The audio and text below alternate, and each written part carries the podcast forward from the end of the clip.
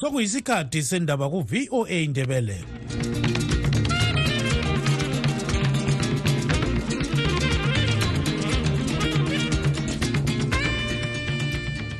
lami ngithathe leli thuba ngibonge u-evans zenika obesiphake indaba ngolimi lwesishona. Lingalivuka njani izulu kandaba ulamukela emsakazweni westudio 7 ngolwesihlanu mhla ziku-5 zibandlela 2024 nguchris gande. Endabeni zethu lamhlanje abamabhutsha sebeqalile ukufaka umthelo wenyama osokwenze intengo yakhuphuka. Abantu bazakudla ngesobho kuphela baphethe senyama kube lesobho basheye imuli kunjalo inhlanganiso yamatitshala ezimta ithi ukukhwela kwembadalo yama-school fees kuzabangela ukuthi imfundo iswele isisindo. Indlela esibona ngayo udaba lwama-fees lumbaqambili okwakuqala sikhangelele kusayidi lwezikolo sibona izikolo nazo zidinga ukuthi ngabe ziyaqhuba inhlelo zezikolo. Inhlanganiso yakwele south africa ye-operation dudula ithi izabambisana lebandla le-patriotic alliance emngceleni webytebridge lapho abaxotsha khona izizalwane zezimbabwe ezenza idabulapho indaba yabantu bokuza lapha eSouth Africa eh indaba esemlonyeni wabantu abanengi abama political parties indaba abazayisebenzisa ukuthi bazame ukuthola ama votes zonke lezi ndaba lezinye lizozizwa khonapha emsakazweni westudio 7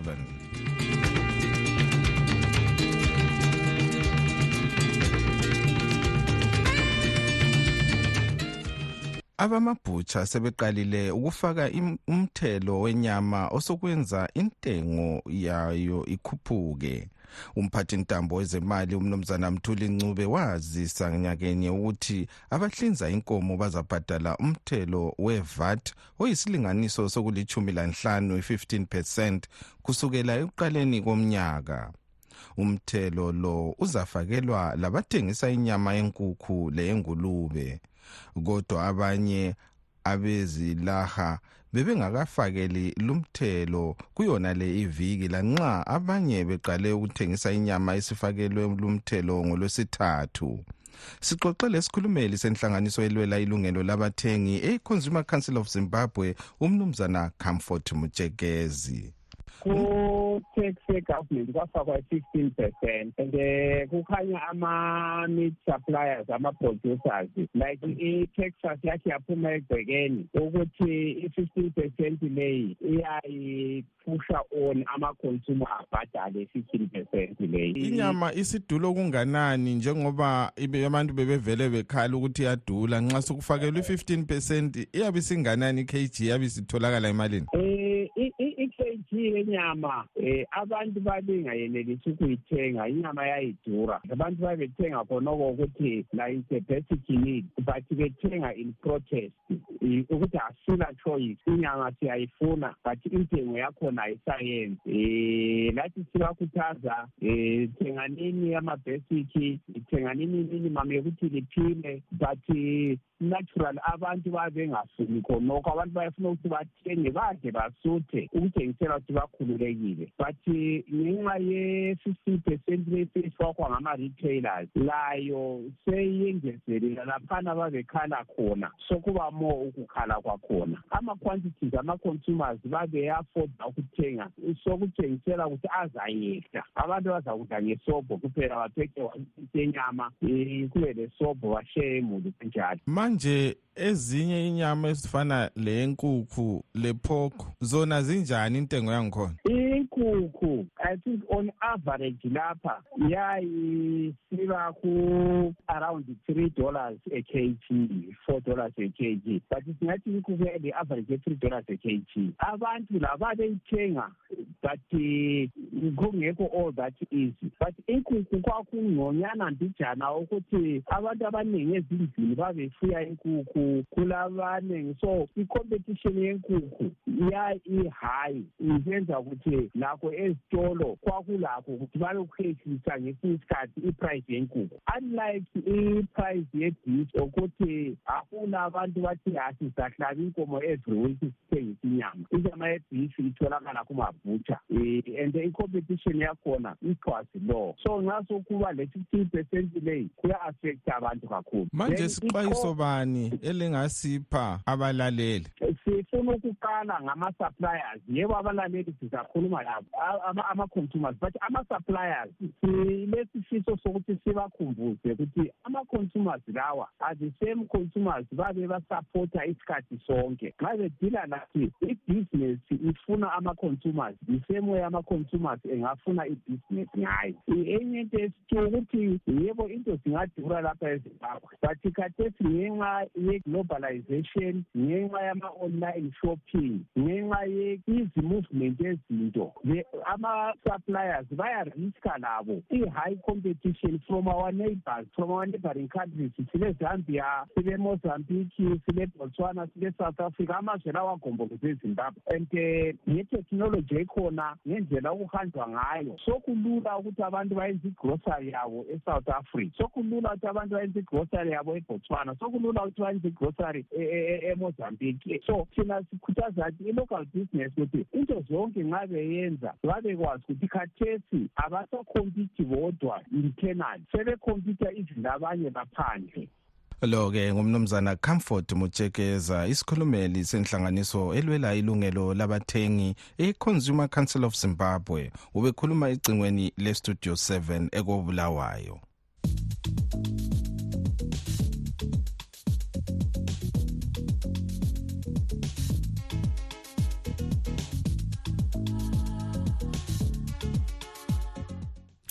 Inhlanganiso yamatitshala eyezimta ithi ukukhwela kwembadalo yama-school fees kuzabangela ukuthi imfundo iswele isisindo.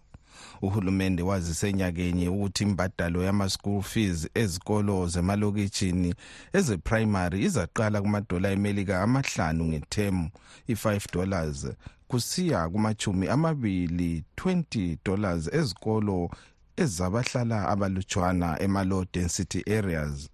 Izikolo zeboarding zona sokuzabhadalwa amakhulu amane i-400 dollars. Okucunule abazali abaningi ukuthi imali le imele ihlawulwe ngedola lemelika.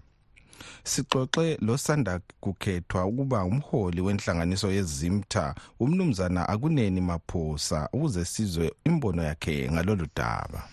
Ye indlela esibona ngayo udaba lama-fees lumbaqambili okwakuqala sikhangelele kusayidi lezikolo sibona izikolo nazo zidinga ukuthi ngabe ziyaqhuba inhlelo zezikolo zibe lakho ukuthi ziphumelelise ama-development project akhona esikolo. Kodwa bese sikhangela ilevel yama-fees sibone ngani aphezulu kakhulu ikakhulu nxa kukhangelwe umnotho welizwe lethu lezimbabwe ikakhulu kusiya umali eziholwa yizisebenzi. Imajority engama-civil servants angababalisi um iholo abaliholayo alibayenzi baphumelele kumbe benelise ukuthi babhadale ama-level of fees akhona lala esiwazwa kuma-market ikakhulu kuma-boarding schools etho i-fees iya kuma-five hundred six hundred. Abaqalisayo kubo-form one kuma-boarding schools kwamanye baya kuma-one thousand one thousand something. Yimali enkulu kakhulu yimali ephezu komholo kambalisi yimali ephezu komholo ka-general civil servant okungangokuthi kungaphambanisa eh ukuthi abantwana babuyele ezikolo. Eh ikakhulu siyabe sithanda ukuthi sikhuthaze uhulumende ukuthi ngabe nxa izikolo zithatha ama-fees angangana lawa esiwazwayo akhona kumarket kube ngangani le miholo yezisebenzi kakhulu ama-civil service ababalisi nayo iyakhuphuka ihambe kuma-p d l levels um ukuze benelise ukuthi babhadale ama-fees lawa akhona. Manje nxa sesikhangela lona udaba lwababalisi amatitshala sizwa behlala bekhala ukuthi hayi imali incane kakhulu. Manje lo umnyaka likhangelele ukuthi kwenziweni ukuze bengakhononi kakhulu ababalisi. Ye ngiyabonga umbuzo. Esikukhangelele kakhulu eqinisweni ye imali incane kakhulu siqalisa udaba lolo lwamiholo sasikhangele ukuthi ababalisi baye ku-five hundred and forty kodwa njengezimta izimbabwe teachers associations lokho singena kumarket sisenza ama-surveys i-research kungangokuthi khathesi nxa sikhangele eh umholo umele ube urenda 800 to 1000 USD sikhuluma nge-real market value asikhulumi ngento yokucabangela nje kumbe kuphonga ukukhuluma ufigure sikhuluma sile-department of research ethi every month iyengena kumarket ikhangele i-bread basket ikhangele ama-prices intengo ezikhona kumarket. Ibe sisitsho ukuthi kathesi sesingaphi ngomholo okwesibili eh ngemva kokwethulwa kwebudget ngumthuli uprofessor umthuli usikhitha mfundo umthuli besikhangelele ukuthi ngalesi sikhathi bese sibizi sibe sesingabantu asebebizwe emhlanganweni yethu esihlanganela khona lohulumende ye-NJNC bathi unpack batsho ukuthi ibudget le abayibekayo especially nxa ukhale kwezemholo isikhangelele okunganani. Ngemva kokuba sesithe sabanika iphepha lethu elitsho ukuthi what are our demand the-eight hundred to one thousand thousand engitshiliyo engitshiyo engike ngayibetha ekuqaliseni. So lakathesi sesike sabhala izincwadi ezithize sisitsho ukuthi sicela ukuthi basibize emhlanganeni sihlale phansi njengezinye sathabe sikhangelele ukuthi into lezi zilungiswe kungakawonakali. Ngoba njengoba sikhuluma nje ababalisi bakhangele kakhulu ukuthi babone ukuthi kuyini okuphumayo khathesi kuyini okuza kibo ku-two thousand and twenty-four eqalisa njenge-increment abayikhangeleleyo akukenzakali khonokho asikabizwa for NJNC but we hope that izabizwa masinyazanyana bathi unpack the budget particularly kukhangelane nemiholo esiyikhangelele ngo-2024 lo-ke ngumnumzana akuneni maphosa osanda khethwa ukuba ngumholi wenhlanganiso yamatitshala eyezimta kolunye udaba inhlanganiso yakwele South Africa e-Operation Dudula ithi izabambisana lebandla le-Patriotic Alliance emngceleni we-Bait Bridge lapho abaxotsha khona izizalwane zeZimbabwe ezenza idabulapho kulezi zalwane zezimbabwe eziningi kakhulu ezisebenza kwele south africa ezazisekhaya ngekhefu lekhisimusi eseziphindela emsebenzini kodwa zingelamaphepha amalunga ebandla le-patriotic alliance aqale kuyona le iviki ukuhambahamba emngceleni we-bait bridge eceleni komfula ulimpopo bexotshanisa abezimbabwe abazama ukucapha umfula ukuthi bangene kwele south africa ngokungekho emthethweni. Leli bandla lithi kusiyafika izolo beselivimbe abazama ukwenza idabu lapho abangamakhulu amabili i-200 inhlanganiso ye-operation dudula ilobe enkundleni yokuxhumana e-x isithi layo isisiya emngceleni we-bait bridge.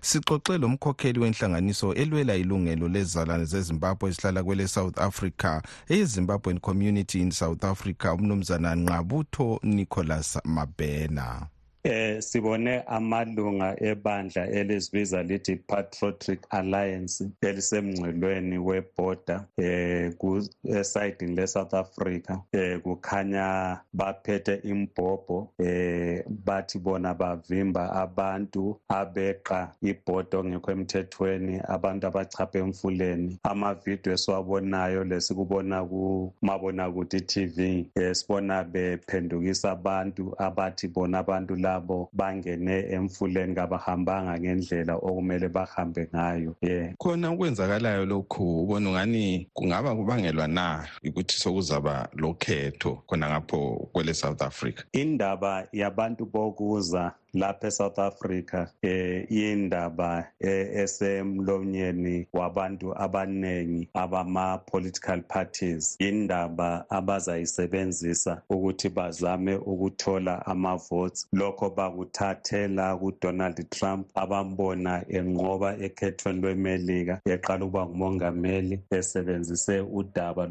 labantu bokuza ikakhulu ababuya eMexico. Yikho ke kuthe ngemva kwalokho sabona amabandla amanengi abaningi lapha eSouth Africa sebeqala ukusebenzisa lokho eh, okwenza ukuthi abanye kuma election awe local government bathola izihlalo edolobheni laseJohannesburg. So ke njengoba sisiya ekhethweni yikho abazama ukuthi bakusebenzise ukuthi bathola amavoti ngoba siyananzelela ukuthi eh ungatholakali kwemisebenzi eSouth Africa kuyanda kanti ke le poverty eh iyanda emalokitshini. Yikho ke bazama ukuthi basebenze basebenzise lokho kubonakale kuma-south africans ukuthi okwenza ukuthi bangatholi imisebenzi lokuthi kube le-poverty ubuyanga kwenziwa ngabantu ababuya ngaphandle bese befuna ukwakha isithombe sokuthi abantu abavela ngaphandle abagcwele e-south africa bavunyelwa libandla elibusayo le-anc umbuzo wami wokugcina ungasitshela ukuthi lina njengenhlanganiso zezizalwane zezimbabwe lithi kwenziweni? Ngodaba lolu.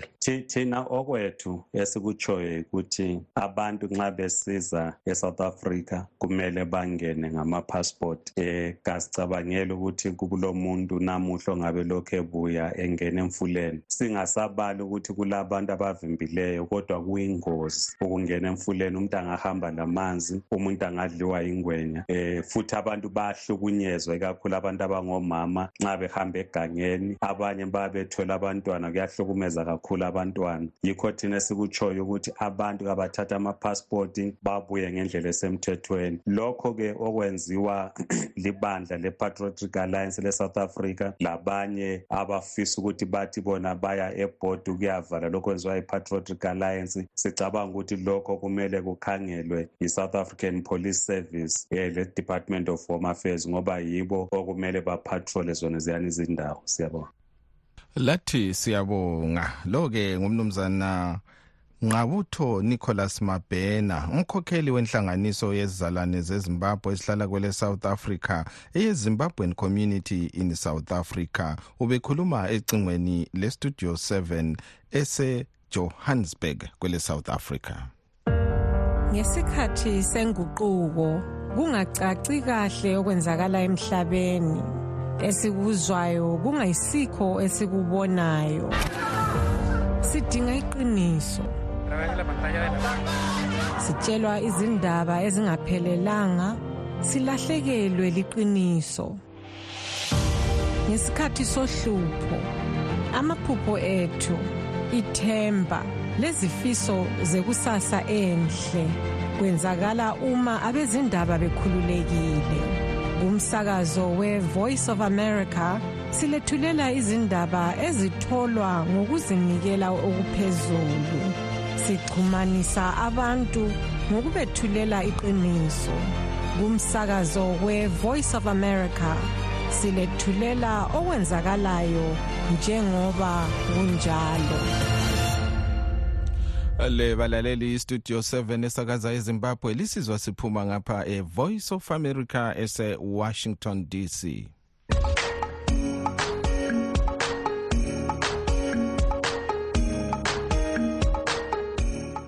okwamanje sengidedela emuva ngilitshiya ezandleni zenu lina balaleli bethu kumbiko elisithumele nge-whatsapp.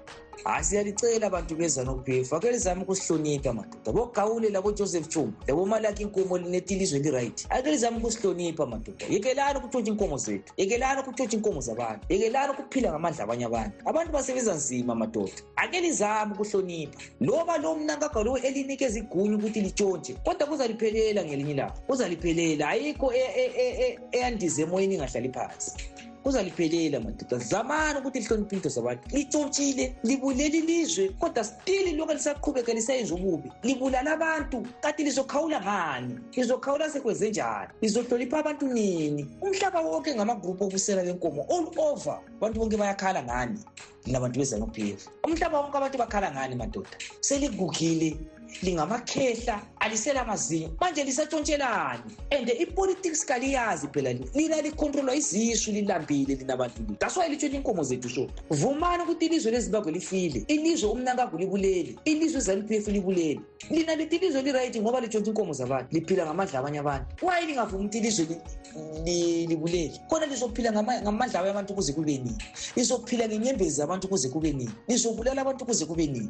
Ilizwe lifile libolile natiya akula ntshintsho kodwa lina litshontsha nsuku zonke litshontshela abantu everyday libulala abantu nsuku zonke. Studio seven happy happy new year happy happy ngigama ngubanele ndlovu ngihlala ebhinga echinonge. Ngithanda ukulibingelela lonke abestudio seven sesingenile eminyakeni omutsha. Happy ngithanda ukubingelela nabazali bami khonale echinonge ubaba magamula lomama maphosa ngisithi happy new year konke happy happy new year ku-twenty twenty-four. Ye sibingelele emsakazweni kastudio seven sibingelele. Ye hayi sithi lingene njalo eminyakeni omutsha abasakazi bethu bakastudio seven. Hayi thina sizingenele kahle eminyakeni omutsha. Sithi liyibambe injalo lisethulela indaba ezingathathi ihlangothi ezestudio seven.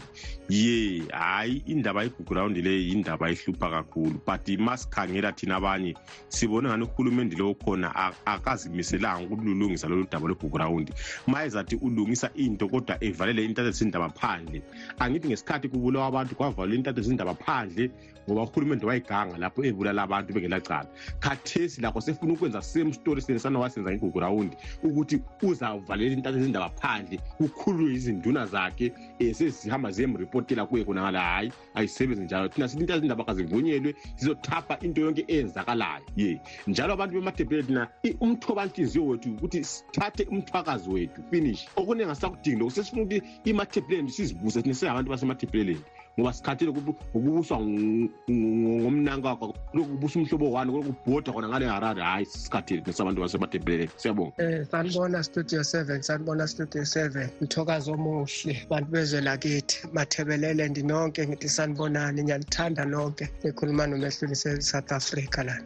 Yinzalo yasezimbabwe. Uyazi ngiyajabula ma ngabe kuvuka izapho isima ngenyawo imela mandebele. Kunini isicindezelo kunini isicindezelo. Le nto bayishaya indiva okwenza bengafuni imedia lapho omnangagwe iy'nduna lezo nazo ezivumela nje iphutha amanyala angaka besiphethe omshana abantu esibathembile. Esibathembile abantu esifika kibo amacala bevuma ukubrayibha. Amanyala le abayenzayo yabona ma kuvuka izapho ngithi halala siyayisapota kunini isicindezelo? Kwenzakalani kahle hle ngalizano phefu asizondi izano phefu sizonda lo mbuso onguyo usukhona abantu abawuphetheyo izano phefu ibisapota umhlaba isapota imali ingasapota umhlaba unkomo wathi ufuna umhlaba.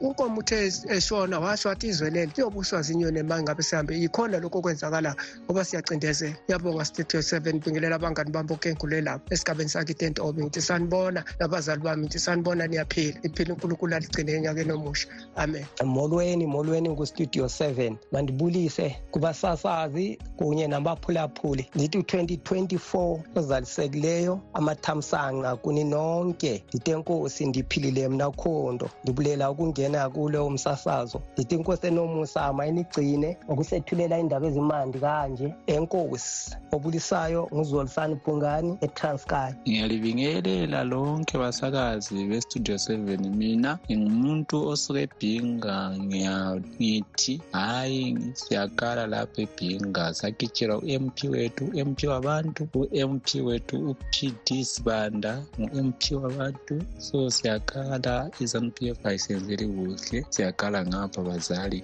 Salibonani salibonani kustudio seven linjani basakazi labalalele. Um msakazi ngicelani lilike lingikhuzele undoda lo ukuthi angujoseph ukuthi angujoseph chuma ukuthi angubani logawula wakhe. Kuthi kambe abantu nxa bevotela i-opposition emathebhelelendi kokwenza kungabi lentutuko kanti akutsho msakazi i-mdc vele yangena nini? Ayiqalanga ukungena ngo-2000 ungabheka ungabheka ukuthi since 1980s ma kuyithatha independence up to 2000 i-how many years aso 20 years akuzange kwaba le ntuthuko emathebheleland since izimbabwe yathola independence. So akumbuzela ugawula ukuthi asiyo izanu izanu ama-mp ezanu ayekhona ehluleka ukudevelopha alo muntu lo kusiya ngama luba alesam interview aluba lechiyana laye ngiyabonga. Salibonani ngiyabingelela kustudio seven. Linjani?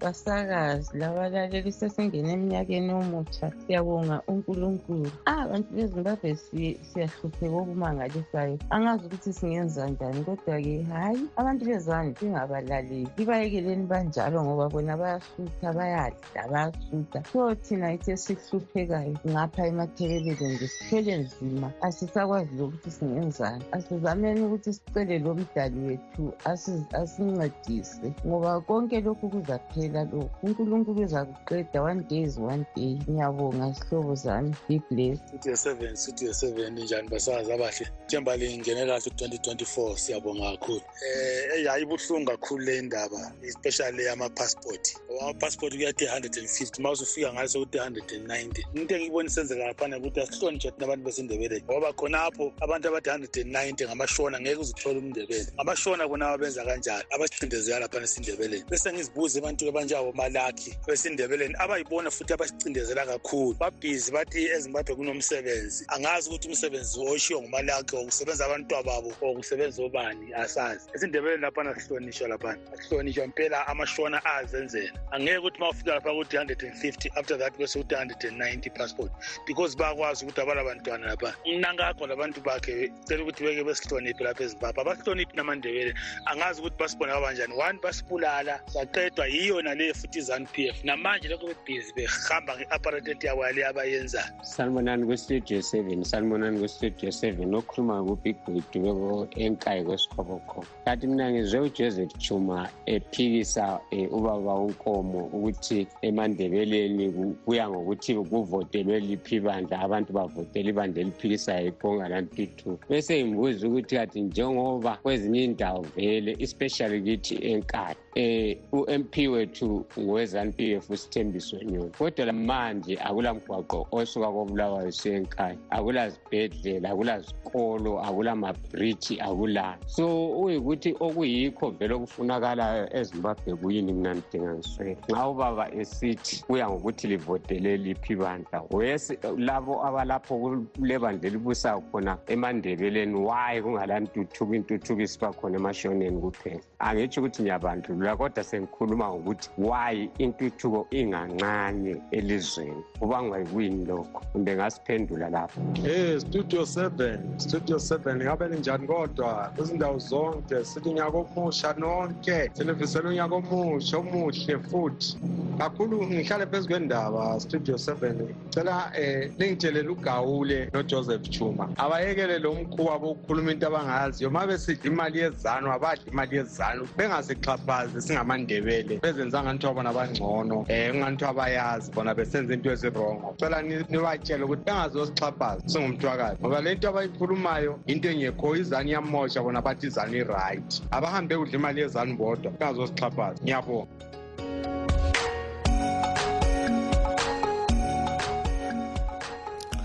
Labo ke ha bekungabalaleli bethu lina ke abalaleli bethu elisithumele imlayezo yenu kunombolo zethu ezithi plus 12024650318 udaba olulandelayo luveza imbono kahulumende welemelika.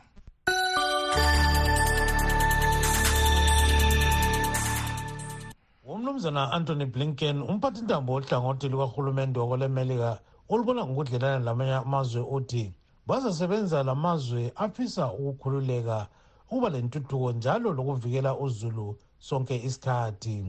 Ublinken wethule amazwi la emhlanganweni awenze lentathelo ezindaba okugqiba umnyaka ka-2023 wathi okokuqala elemelika lizaqhubekela phambili lincedisa ele-ukraine elilwisana lele-russia uthe ibutho lerussia limadolonzima njalo umnotho welizwe leli uyabhedlika uthe umanyano weneto osungenwe ngelefinland uqine saka kukhangelelwe ukuba elesweden lalo lizangena kumanyano lo osoliminyaka engamachumi ayisikhombisa lanhlanu 75 okunye njalo ublinken wathi elemelika lizaqhubekela phambili likhulumisana lele-china lizibambe esidukweni.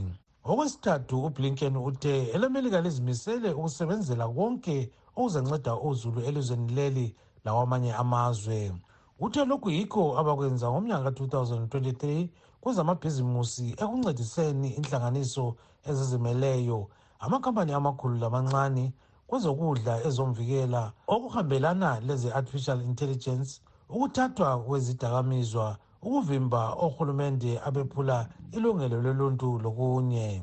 Mayelana lempi ephakathi kwele-israyeli lehamas ublinken wathi bazancedisa ele-israyeli ukuba kungayenzakali njalo okwehlela ilizwe leli mhlaka-7 mfumfu ngomnyaka ka-2023 uthe bazancedisa ele-israyeli ukuba kungenzakali konke lokhu njalo kungabulawa abantu mahlayana kukhululwe abathunjwa ihamas uthe elemelika lizasebenza lidlelana labo bonke emhlabeni wonke jikelele ngomnyaka ka-2024 ikakhulu labo abafisa ukuba lengqwela phambili lawo-ke bekungamazwi aveza imbono kahulumende welemelika esiphethela-ke uhlelo lwethu lwalamhlanje olifisela impelasonto elithukela ngesithi asidibaneni njalo ngeviki ezayo. Sikhathi sinye lingakhohlwa-ke ukuthi silazo ezakusihlwa ntambama nsuku zonke ngo-half past 7 igama nguchris gande.